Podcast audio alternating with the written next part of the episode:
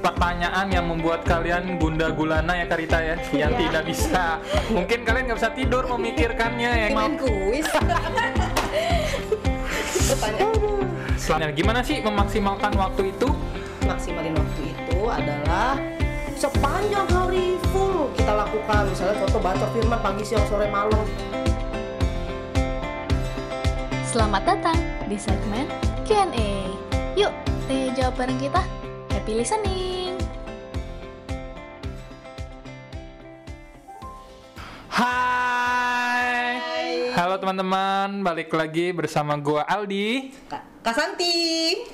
Karita Nah, jadi teman-teman, ini adalah segmen terbaru dari uh, podcast Treasure, yaitu segmen Q&A gitu. Yes. Jadi kita di segmen ini kita akan membahas-bahas semua pertanyaan yang membuat kalian gunda gulana ya Karita ya, yang Iya. tidak bisa. Mungkin kalian nggak bisa tidur memikirkannya ya kan. Wah, ini solusinya gimana? Nah, hari ini kita jawab semuanya. kita mau bahas tentang manage waktu. Jadi banyak orang yang masih gagal nih untuk eh, mengupayakan waktu-waktunya. Susah nih kok waktunya terbuang gitu aja. Kok tahu-tahu udah sore ya, tahu-tahu udah malam ya gitu ya, pagi lagi gitu. Kayak gitu di Oke, kita mulai pertanyaan yang pertama. Pertanyaannya adalah gimana sih Kayak lagi memaksimal main kuis pertanyaan Selamat datang di Wants to be Millionaire, teman-teman. Nggak, nggak, nggak. Balik lagi. saya akan telepon sahabat kalau gitu Oke, di pertanyaan pertama ini, ini kita nggak kasih tahu ya per- eh, pertanyaan dari siapa. Jadi seperti ini pertanyaan, gimana sih memaksimalkan waktu itu? Apa memaksimalin waktu berarti hidup nggak boleh santai-santai? Atau kita harus kerja, kuliah, sekolah pagi, siang, malam? Gimana? Kalau dari Kak Santi? sedih ya.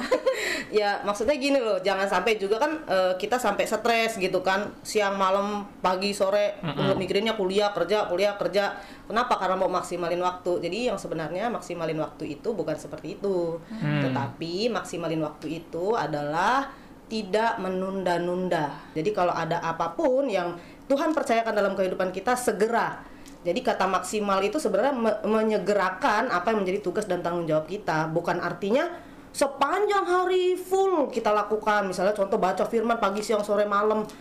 Bukan seperti itu aja gitu karena baca firman pun butuh peren- perenungan, peremahan dan melakukannya gitu kan. Jadi bukan sepanjang hari, sepanjang malam kita kerja sampai nggak ada waktu kita kecapean, bukan seperti itu. Misalnya saya hari ini ada tugas mau ngerjain eh, kalau kayak Kasanti gini kan misalnya saya mau nyuci nih hari ini Mm-mm. gitu jam sekian sampai sekian mau nyuci ya harus lakukan gitu jangan oh iya ya besok lagi aja lah ah ntar aja lah. Nah Iya. itulah yang artinya tidak memaksimalkan waktu. Kayak gitu di kalau menurut Kasan Aku banget sih itu kak. ya gimana ya, soalnya kita tuh ya, apalagi kalau udah kena gadget ya kayak, apa ataupun kita kena kena sosial media tuh, aduh, ditambah tiduran gitu ya, hmm, itu waktu Lupa enak waktu ya. banget. nah yang sering terjadi memang seperti itu gitu. Nah tapi kita harus belajar yang namanya maksimalin waktu. Kita harus tahu nih apakah Kasanti nggak punya waktu santai ada gitu. Kenapa? Karena hidup kan memang harus rileks juga kan gitu kan. Bukan artinya Kasanti full melakukan misalnya bersih bersih seharian nggak juga gitu. Ada waktunya istirahat ada waktunya makan ada waktunya tidur ada waktunya segala sesuatunya dikerjakan dengan balance. Itulah maksimalin waktu. Jadi semua ada waktunya ya kayak. yes kayak pengkhotbah bilang untuk Betul. segala sesuatu Ada waktunya. ada waktunya Nah, jadi untuk menjabat nomor satu sudah jelas ya untuk teman-teman sudah pasti jangan menunda-nunda. Artinya kalau ya kalau kita udah janji nih, habis ini aku mau nyuci piring ya harus nyuci. Kalau ditunda nanti piringnya jadi dua, jadi tiga, lama-lama kan piringnya habis. oh, kok piringnya habis gitu ya? Iya ditunda-tunda untuk nyuci gitu Iya, ya. bener, jadi bener, bener. yang penting adalah jangan menunda-nunda. Nah, nomor dua nih pertanyaan. Selama ini gunain waktu gak buat yang berkualitas. Akhirnya waktu berlalu demi yang semu. Artinya dia melakukan hal yang ternyata selama ini gak berkualitas, Kak Santi. Nah, gimana nih eh, untuk menanggapi Nah. dua ini? lebih tepatnya gini sehari waktu itu kan 24 jam ya kan nah untuk kita tidak melakukan sesuatu waktu berlalu Iya. ya kan misalnya kita cuma kayak Aldi tadi bilang pegang-pegang YouTube, WhatsAppan, pegang-pegang handphone, gadget sehari-harian, tidur-tiduran, guling-gulingan, waktu berlalu. Nah, tapi kita lakukan sesuatu yang baik, misalnya kita berkunjung, telepon orang. Kalau sekarang misalnya nggak bisa berkunjung kan, kunjungan nggak bisa, tapi telepon orang, kasih kekuatan ke orang, menghibur orang. Waktu berlalu nggak? Berlalu. berlalu. Juga gitu. Tetapi itu ada pilihannya di tangan kita sebenarnya. Mau menggunakan waktu itu dengan cuma-cuma atau tidak gitu. Tetapi kita sebagai orang-orang percaya harusnya tahu bahwa pergunakanlah waktu dengan baik gitu. Jadi ada hal-hal yang harus kita batasi kalau Kasanti misalnya main YouTube Kasanti juga main YouTube gitu kan ngeliat-ngeliat video apa gitu kayak misalnya pujian penyembahan lagu baru apa nih ya gitu-gitu. Tapi ada ada batasannya. Misalnya sampai jam 11 eh, no- lihat lihat YouTube nih ya gitu. Tapi setelah jam 11 sudah berhenti gitu loh. Jadi telepon orang dari jam 11 sampai jam sekian itu ada ada waktunya buat telepon orang. Siapa pun itu ada gilirannya. Tuhan bisa kad- kadang-kadang kasih ke kita gitu. Jadi ada hal-hal yang cuman just hey ngapain? Gitu-gitu. Ya jadi itu ada hal-hal yang ma- bermanfaat yang kita lakukan gitu. Jadi sebenarnya eh, kita lakukan sesuatu yang positif atau tidak waktu akan berlalu. Itu coba coba teman-teman bayangin modalnya sama loh 24 jam. Iya. jadi teman-teman yang pilih sendiri gitu mau melakukan sesuatu yang bermanfaat atau yang tidak. Nah, kebanyakan kan kita akhirnya karena leye-leye, santai-santai akhirnya kita banyak melakukan yang Tidak tidak, bermanfaat ya, tidak gitu. berkualitas. Mungkin bermanfaat sih, tetapi untuk diri sendiri kan. Iya. Kesenangan diri sendiri itu bermanfaat tapi untuk diri sendiri gitu. Coba mulai berlatih gitu untuk lakukan apa nih yang bisa bermanfaat juga buat orang, Orang lain. lain. seperti itu. Oke, kita masuk ke pertanyaan yang ketiga. Ngari nih, Nang. Nih curhat nih dia. Masa iya sih? Yang aku lagi rasain sih karena keenakan sama kenyamanan yang dilakukan. Jadi suka kebuang gitu aja. Gimana sih biar kita bisa terus remind untuk nggak buang-buang waktu demi kenyamanan kita aja? Kalau dulu kan Kak Santi kerja nih Hmm. dari jam 7 sampai jam eh, jam 7 kan udah nggak bisa lah pokoknya dari pagi itu sudah kerja sampai jam 4 sore nih misalnya yang kerja nih. Ya. Kalau yang kuliah kan tahu nih atur waktunya. Nah, Kak Santi selalu gunakan waktu misalnya jam 7, 7 malam nih, 7 malam sampai jam 9 malam kalau dulu Kak Santi bilang baca buku rohani. Misalnya kegiatannya, kemudian hari Selasa, Kak Santi jam 7 sampai jam 9 belajar bahasa Inggris. Hari Rabu jam 7 sampai jam 9 doa. Hari Kamis jam 7 sampai jam 9. Nah, jadi sudah sudah tersusun gitu loh waktu-waktu kita. Kenapa? Karena memang zona nyaman itu membahayakan. Eh, sudah hampir tiga bulan kan ya.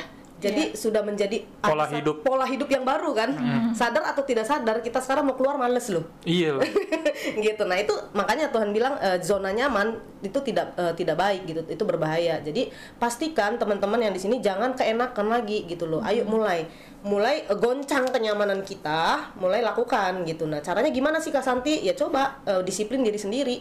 Apa yang kamu mau lakukan hari ini, kamu coba catat.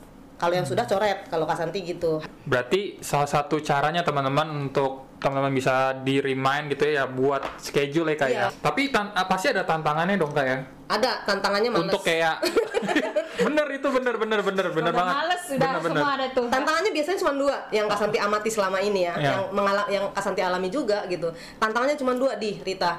Apa coba kalau mau tahu? Bosan sama males. Bener. Itu tuh tantangan dua tantangan itu, ih males ya gitu. Nah, kalau kita udah bilang males, eh, pikiran kita sudah mengelolanya. Pikiran kita mengelolanya, males, kemudian eh, seluruh tubuh kita mengikuti apa yang ada di pikiran kita. Males lah itu Oh, Males lah itu iya. semua sepanjang harian. Iya, Bosan iya. nih. Tuh, apalagi yang kaum-kaum rebahan nih ya. Iya benar. yang yang selama tiga bulan Uh-uh. jadi kaum rebahan gini. Kalau udah kerja berubah kan. Ini mau nggak mau jadi maksa badan untuk bangun Betul. pagi gitu ya. Bangun teman-teman Siapa bangun. Ya. siapa itu? Kayaknya gue banget kayak aduh biasa bangun jam berapa? Ini udah kerja ya harus mau nggak mau kan gitu.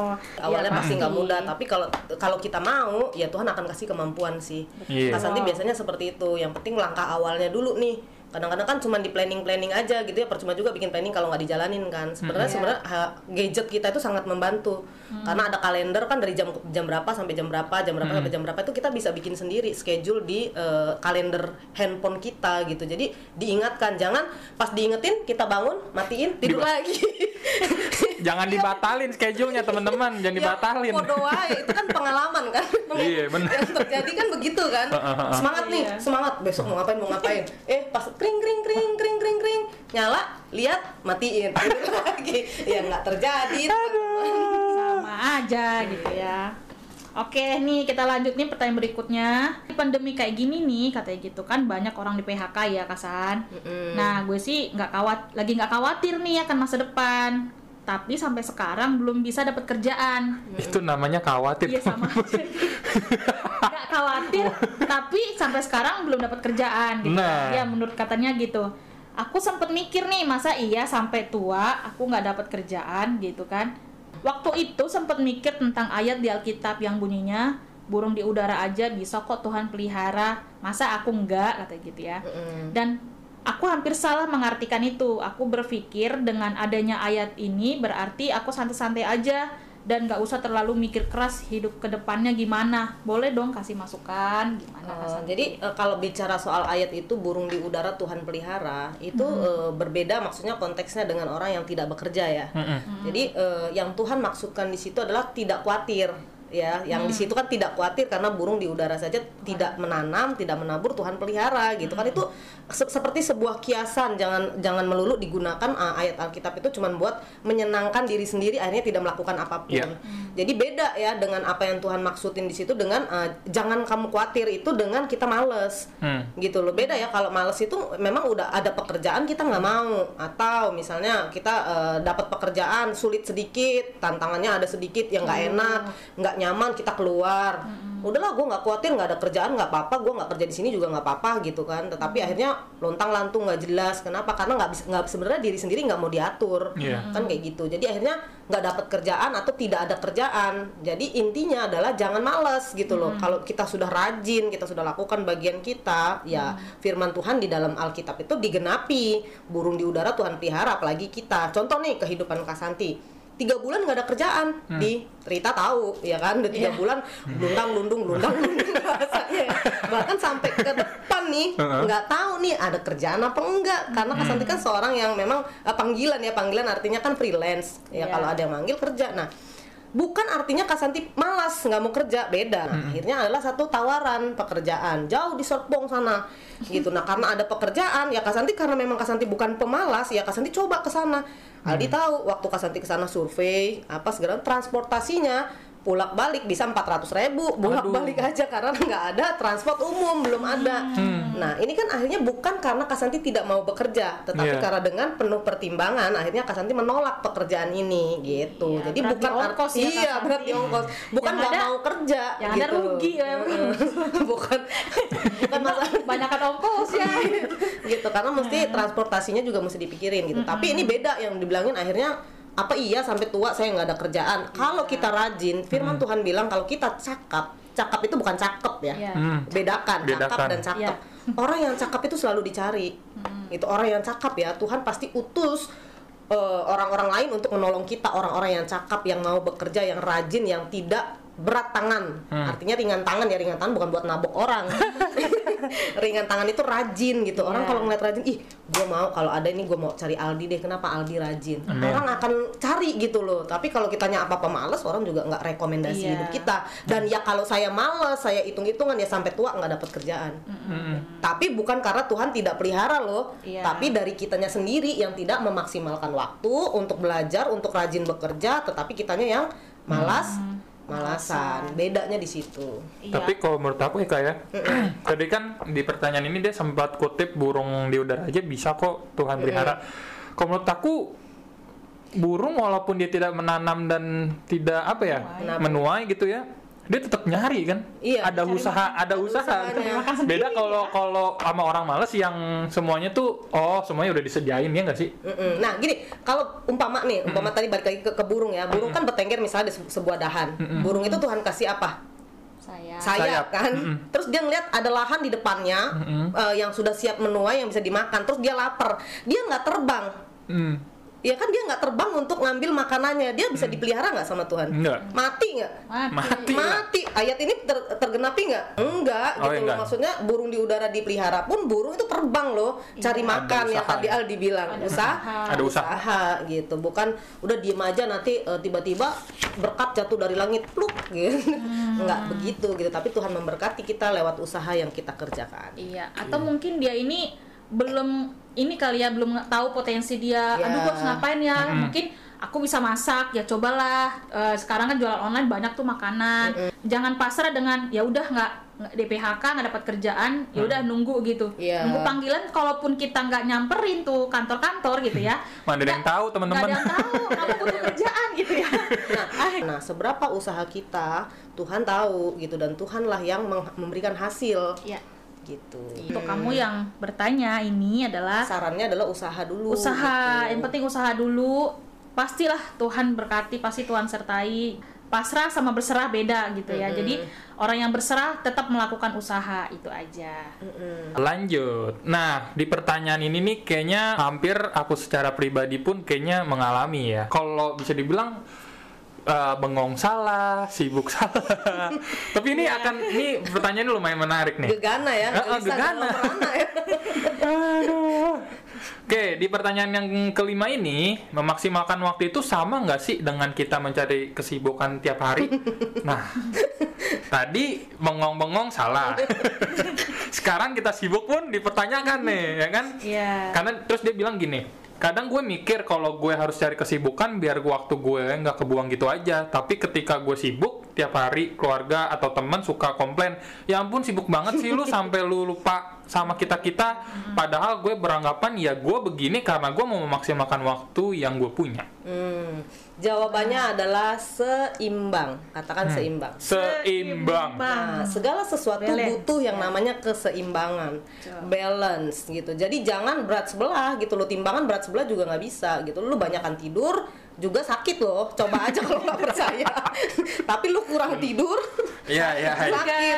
Iya. Nah, kebanyakan ngomong banyak dosa loh. Jangan salah gitu. Tapi nggak pernah ngomong eh bingung juga kan Heeh. gitu. Jadi eh, bukan artinya memaksimalkan waktu itu sibuk cari-cari kerjaan yang nggak nggak nggak nggak juga gitu. Maksudnya yang supaya gua kelihatan maksimal nih ya abis ini ini abis ini ini abis ini ini. Enggak semuanya harus maksimal. Kasanti ada satu statement bilang gini kalau iman itu bicara saya sama Tuhan Tuhan yang mengukur iman saya bukan orang lain.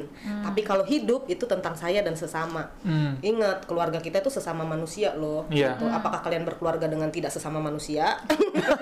Sesama Makanya manusia. mekucing, ya kan? Sebenarnya saya manusia ya gitu.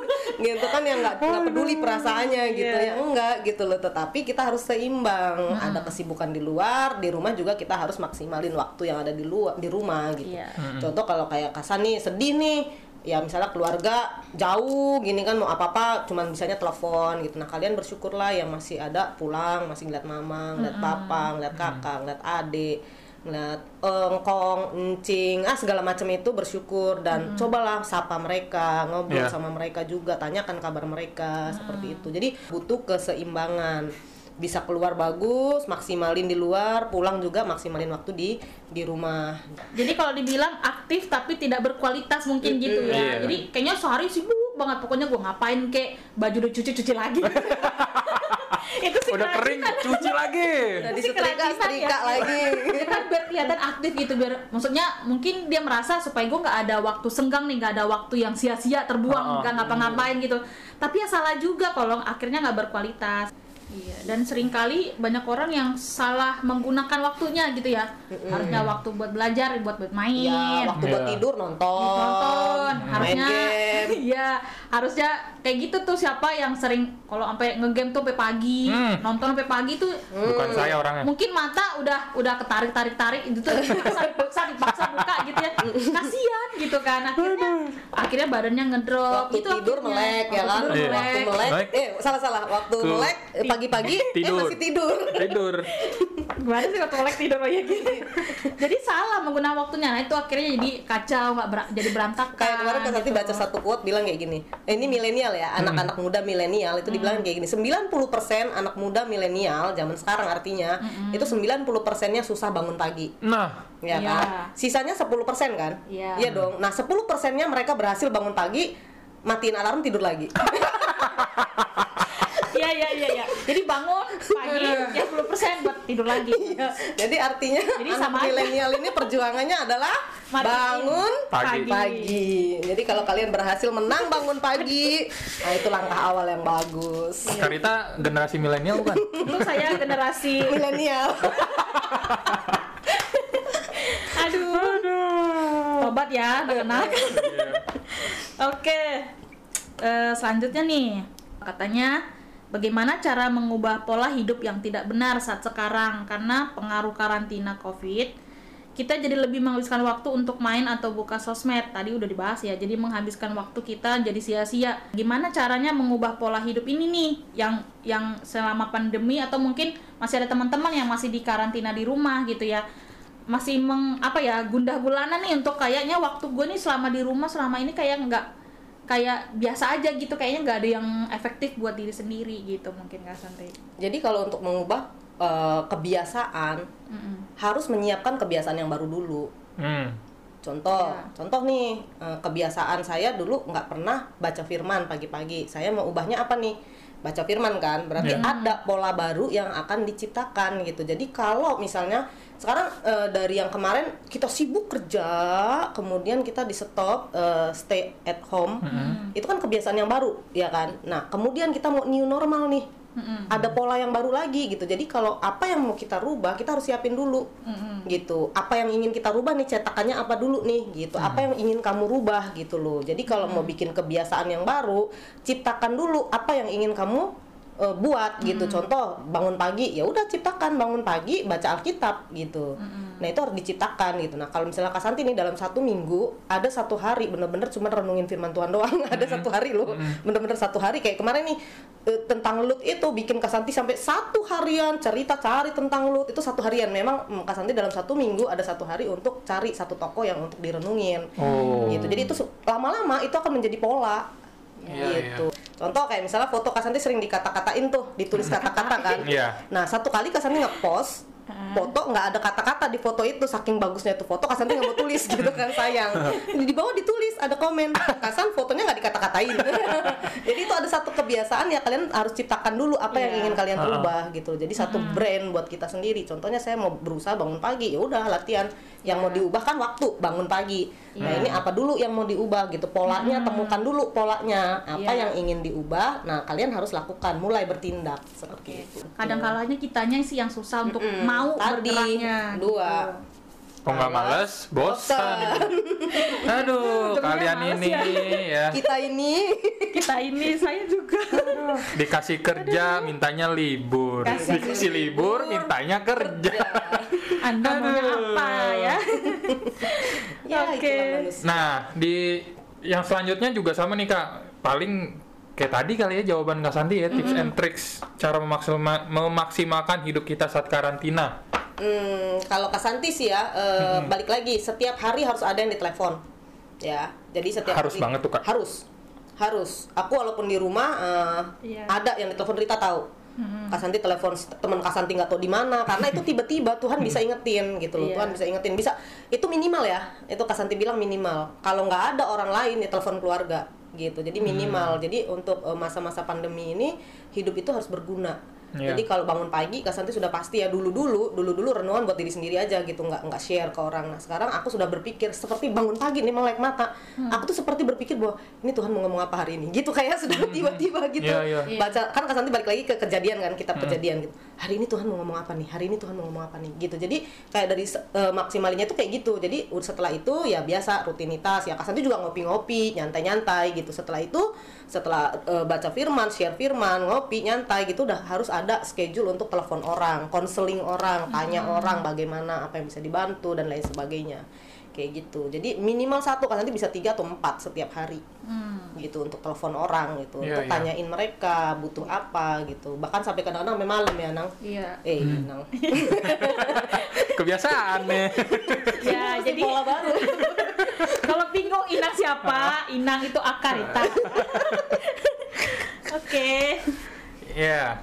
Bagaimana kalau saya Kak, kesulitan mengatur waktu? Sebenarnya nggak kesulitan gitu. Kitanya yang Cuman tidak- kita kurang bisa Mm-mm. manage ya, Kak, ya? iya jadi j- bukan kesulitan. Jadi lebih tepatnya ayo belajar lagi coba dirombak lagi. Waktu Oh. kegiatan kitanya rombak dulu nih lagi gitu. Kenapa? Karena setiap orang dikasih modal yang sama. 24 jam. Ya Iya. kan? Sehari semalam itu 24 jam. Jadi gunakan waktu dengan maksimal. Contoh jam tidur orang dewasa itu 6 jam ya jam tidur itu 6 jam. Nah, makin dewasa makin berkurang gitu sebenarnya. Tapi 6 jam itu jam yang bagus gitu untuk tidur nyenyak gitu. Jadi jangan kurangin gitu. Kalau kita kurangin akhirnya merusak semua sistem tubuh kita gitu loh. Dan Jangan dikurangin dan jangan dilebihin ya kayak. kurang sakit lebih sakit. Iya, makanya be balance, Balance, gitu. gitu. Jadi coba kalau yang kesulitan atur waktu, kalau misalnya Kasanti butuh bantu, nggak apa-apa. Kasanti sangat-sangat senang ya teman-teman dala- dari kita ngobrol-ngobrol kayak gini. Kalau ada yang kesulitan ngatur waktu, memaksimalkan waktu, bagaimana uh, time management gitu, gimana caranya, boleh hubungin Kasanti juga boleh gitu. Kasanti akan Oh, bantu gitu. yes.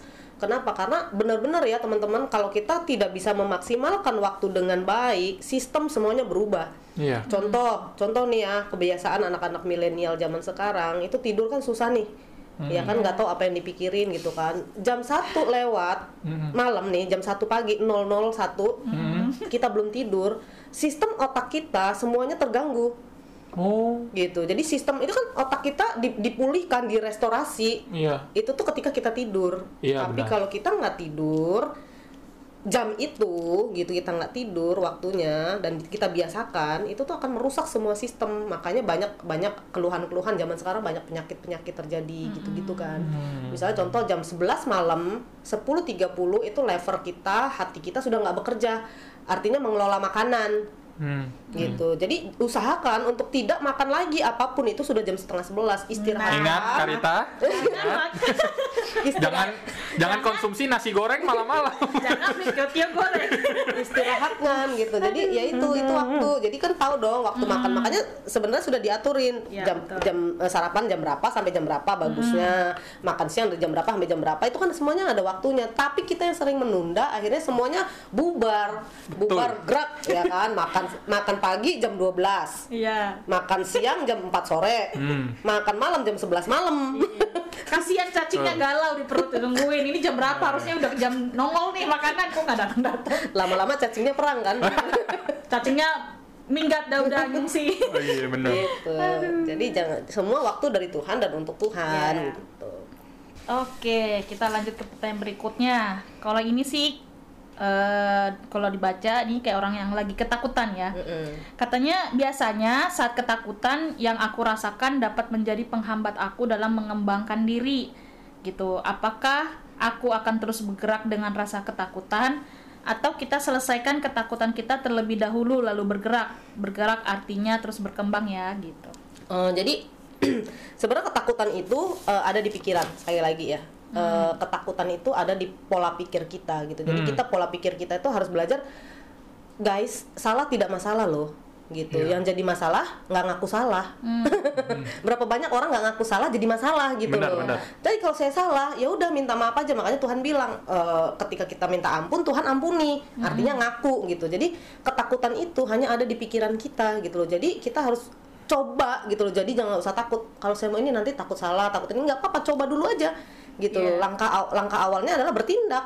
Kalau salah ya perbaiki gitu loh. Kalau kalau gagal ya coba, Coba lagi lagi. gitu aja jadi nggak usah takut jadi kadang-kadang karena ketakutan itu jadi eh, kita tidak pernah melangkah gitu apakah kita harus melangkah dulu atau beresin ketakutannya dulu kalau nunggu beresin ketakutannya kita dari mana tahu kalau nggak selesai maksudnya itu takut kita masih ada atau enggak kalau kita nggak coba gitu Iya. masih takut kak masih takut kak ya kapan beraninya gitu coba aja dulu gitu kan kayak Iya. contohnya nih Rita dulu su- kalau suruh WL udah gemeter Ah. gitu kan ya kan Ah. Keringat dingin, Ah. Mules-mules. Eh, kalau sekarang kan sudah lancar gitu kan. Napas Jadi, tidak teratur ya. napas tidak teratur, tersengal-sengal. Bibir pecah-pecah. Sariawan. Terus gitu. Jadi Apa itu? coba gitu. Pokoknya Iya. intinya berani mencoba dulu teman-teman gitu. Bagi kamu yang bertanya, Iya. ya ketakutan nggak usah dilawan, ya kan? Biar biarin aja dia ada gitu. Tetapi harus diatasi dengan cara ayo berani mencoba gitu. Iya. Langkah dulu aja kalau salah Ya nggak apa. ya nggak masalah gitu. Kan manusia. Kok kalian nggak Manusia. salah? Mesin kalian itu. mesin aja bisa rusak Iya, benar. Benar benar. disalahin. Iya. Oke. Ini pertanyaan terakhir, sebenarnya bukan pertanyaan sih, ini lebih kayak curhat ya, gitu ya. Tapi tetap kita akan bahas karena ini adalah pertanyaan yang terakhir. Eh. Ya, aku berharap masih ada pertanyaan yang banyak lagi gitu. Iya. Oke, jadi katanya lagi khawatir nih tentang diri aku sendiri. Apa aku bakal stuck di kerohanian yang sama seperti sekarang atau suari- suatu hari nanti aku akan bertumbuh? Itu pertanyaan kedua. Eh pertama.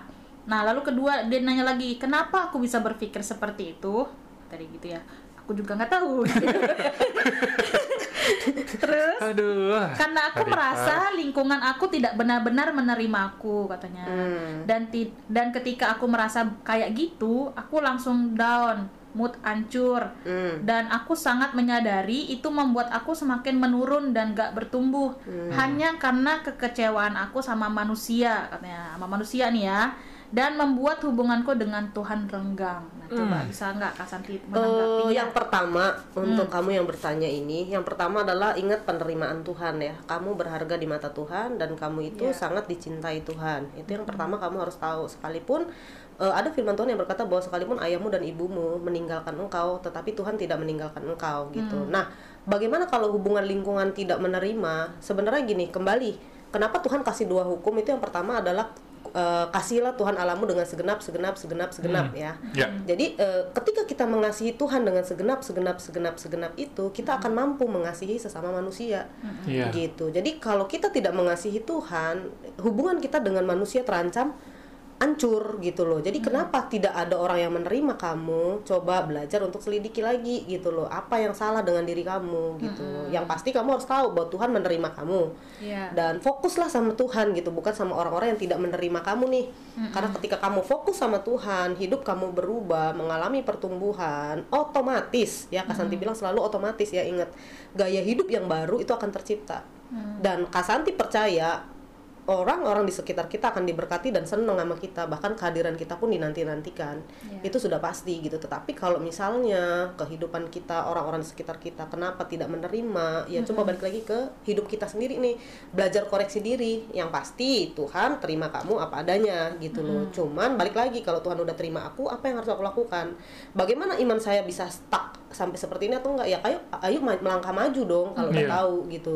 Baikin lagi hubungan kita dengan Tuhan gitu. Kalau kita tidak memperbaiki hubungan kita dengan Tuhan segala sesuatu dilakukan rutinitas ya akan stuck Iya. gitu kan rutinitas ibadah sudah kebiasaan doa udah kebiasaan gitu Iya. Jadi eh, semoga menjawab semua pertanyaan teman-teman untuk eh, tema kali ini. Pastikan juga teman-teman eh, catat mungkin dari tadi eh, dapat apa, apa Iya. yang harus dilakukan, tips triknya apa gitu. Jadi eh, boleh direnungkan gitu ya. Oh iya selama ini ternyata gue salah ngatur waktu. Ternyata selama ini gue salah nih harusnya waktu buat ini lakukan buat ini gitu. Jadi eh, Aku percaya teman-teman setelah mendengarkan podcast ini, teman-teman jadi lebih bijak mengatur waktu, Iya. lebih seimbang gitu ya, seimbang dalam ke apa ya waktu untuk diri sendiri, waktu untuk keluarga, waktu untuk Tuhan. Jangan kita jadi takut, jadi kecewa karena tidak berani mencoba gitu. Hmm, Jadi kalau boleh disimpulkan ya hari ini pembicaraan kita adalah memaksimalkan waktu. Yes. Karena gini firman Tuhan katakan adalah pergunakanlah waktu yang ada karena hari ini adalah hari-hari yang jahat. Jadi mm, memaksimalkan waktu itu adalah coba teman-teman pikirin semua ya yang dengar eh, bahwa eh, segala sesuatu yang kita kerjakan alasannya adalah Tuhan. Ya untuk Tuhan dan oleh Tuhan karena semua waktu Tuhan yang kasih bukan bukan kita gitu. Jadi kita ini cuma mengatur waktu kita gunakan waktu-waktu kita untuk hal-hal yang positif. Iya. gitu. Jadi memaksimalkan waktu itu sekali lagi bukan artinya kerja kuliah siang malam capek sampean gitu enggak. Karena berkat Tuhanlah yang menjadikan kaya. Susah payah nggak akan nambahin. Takut akan Tuhan adalah permulaan pengetahuan gitu. Jadi nggak usah belajar yang sampai kayak bagaimana gitu sampai lupa segalanya buka bukan bukan nggak boleh belajar gitu loh. Belajarlah ada waktunya gitu. Beribadahlah ada waktunya gitu. Jadi segala sesuatu ada waktunya teman-teman. Dan pergunakan waktu yang ada dengan sangat-sangat eh, bermanfaat gitu. Karena waktu yang ada ini sangat singkat gitu. Jadi digunakan atau tidak digunakan waktu akan berlalu. Oke. Eh, Kak Santi boleh tutup dalam doa? ya. Oke Kak Santi akan berdoa. Teman-teman Eh, mari kita bersatu dalam doa. Kami bersyukur Tuhan buat hari ini Tuhan kami eh, boleh bersama-sama berbincang-bincang soal bagaimana kami sebagai anak-anakmu sebagai orang-orang percaya untuk memanfaatkan waktu yang ada dengan baik. Tuhan kami bersyukur karena Engkau masih memberikan kami kesempatan untuk dapat berbincang-bincang Untuk membahas semua permasalahan yang ada yang sering kali kami hadapi sebagai anak-anakmu Tuhan kami berdoa supaya setiap orang yang mendengar podcast ini Tuhan Mereka semua diberkati dan belajar untuk mengatur waktu Amin. Tuhan kami tahu tidak mudah tetapi kami percaya ketika kami mau Kami Ya. mau bertindak kami belajar dan kami rajin melakukannya dengan taat, maka kami akan memiliki gaya hidup yang baru yaitu mempergunakan setiap waktu yang ada dengan baik, dengan benar dan melakukan segala sesuatunya dengan hal-hal yang positif. Tuhan. Yes, Terima kasih Tuhan.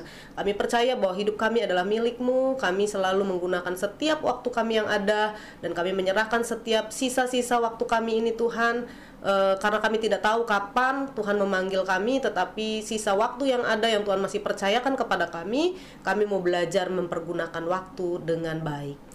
Terima kasih Tuhan dan bagi semua yang sudah bertanya, kami percaya bahwa jawaban itu yang lebih lagi datangnya daripada Tuhan. Yes. Biar Tuhan mengunjungi mereka, menjamah hati mereka dan memberikan jawaban-jawaban yang memuaskan hati mereka dan mengerti bahwa mereka sangat dicintai Tuhan. Di dalam nama Yesus kami berdoa. Amin. Amin. Oh ya, Santi. Karita sebelum kita mengakhiri nih, eh, kalau misalnya ada teman-teman yang mau nanya seputar percintaan Oh, ya. atau seputar pergaulan Oke. atau ya apa pun deh yang teman-teman kayaknya wah kayak gue butuh nanya ini nih atau misalnya kalian ada mau usul tentang topik-topik itu boleh banget ya teman-teman. Jadi teman-teman tinggal DM aja ke Instagram Glow Community. Berikut kalau misalnya teman-teman ada pertanyaannya juga nggak apa-apa ya. Jadi eh, next episode kita bahas. Tentunya dengan pembahasan-pembahasan yang seru ya. Ya pastinya gitu. Dengan orang-orang yang seru juga gitu dan Betul. pertanyaan-pertanyaan yang bikin seru juga. Iya, gitu. betul. Oke. Oke. Terima kasih teman-teman yang udah mendengarkan. Thank you. Sampai ketemu di next episode. Dah.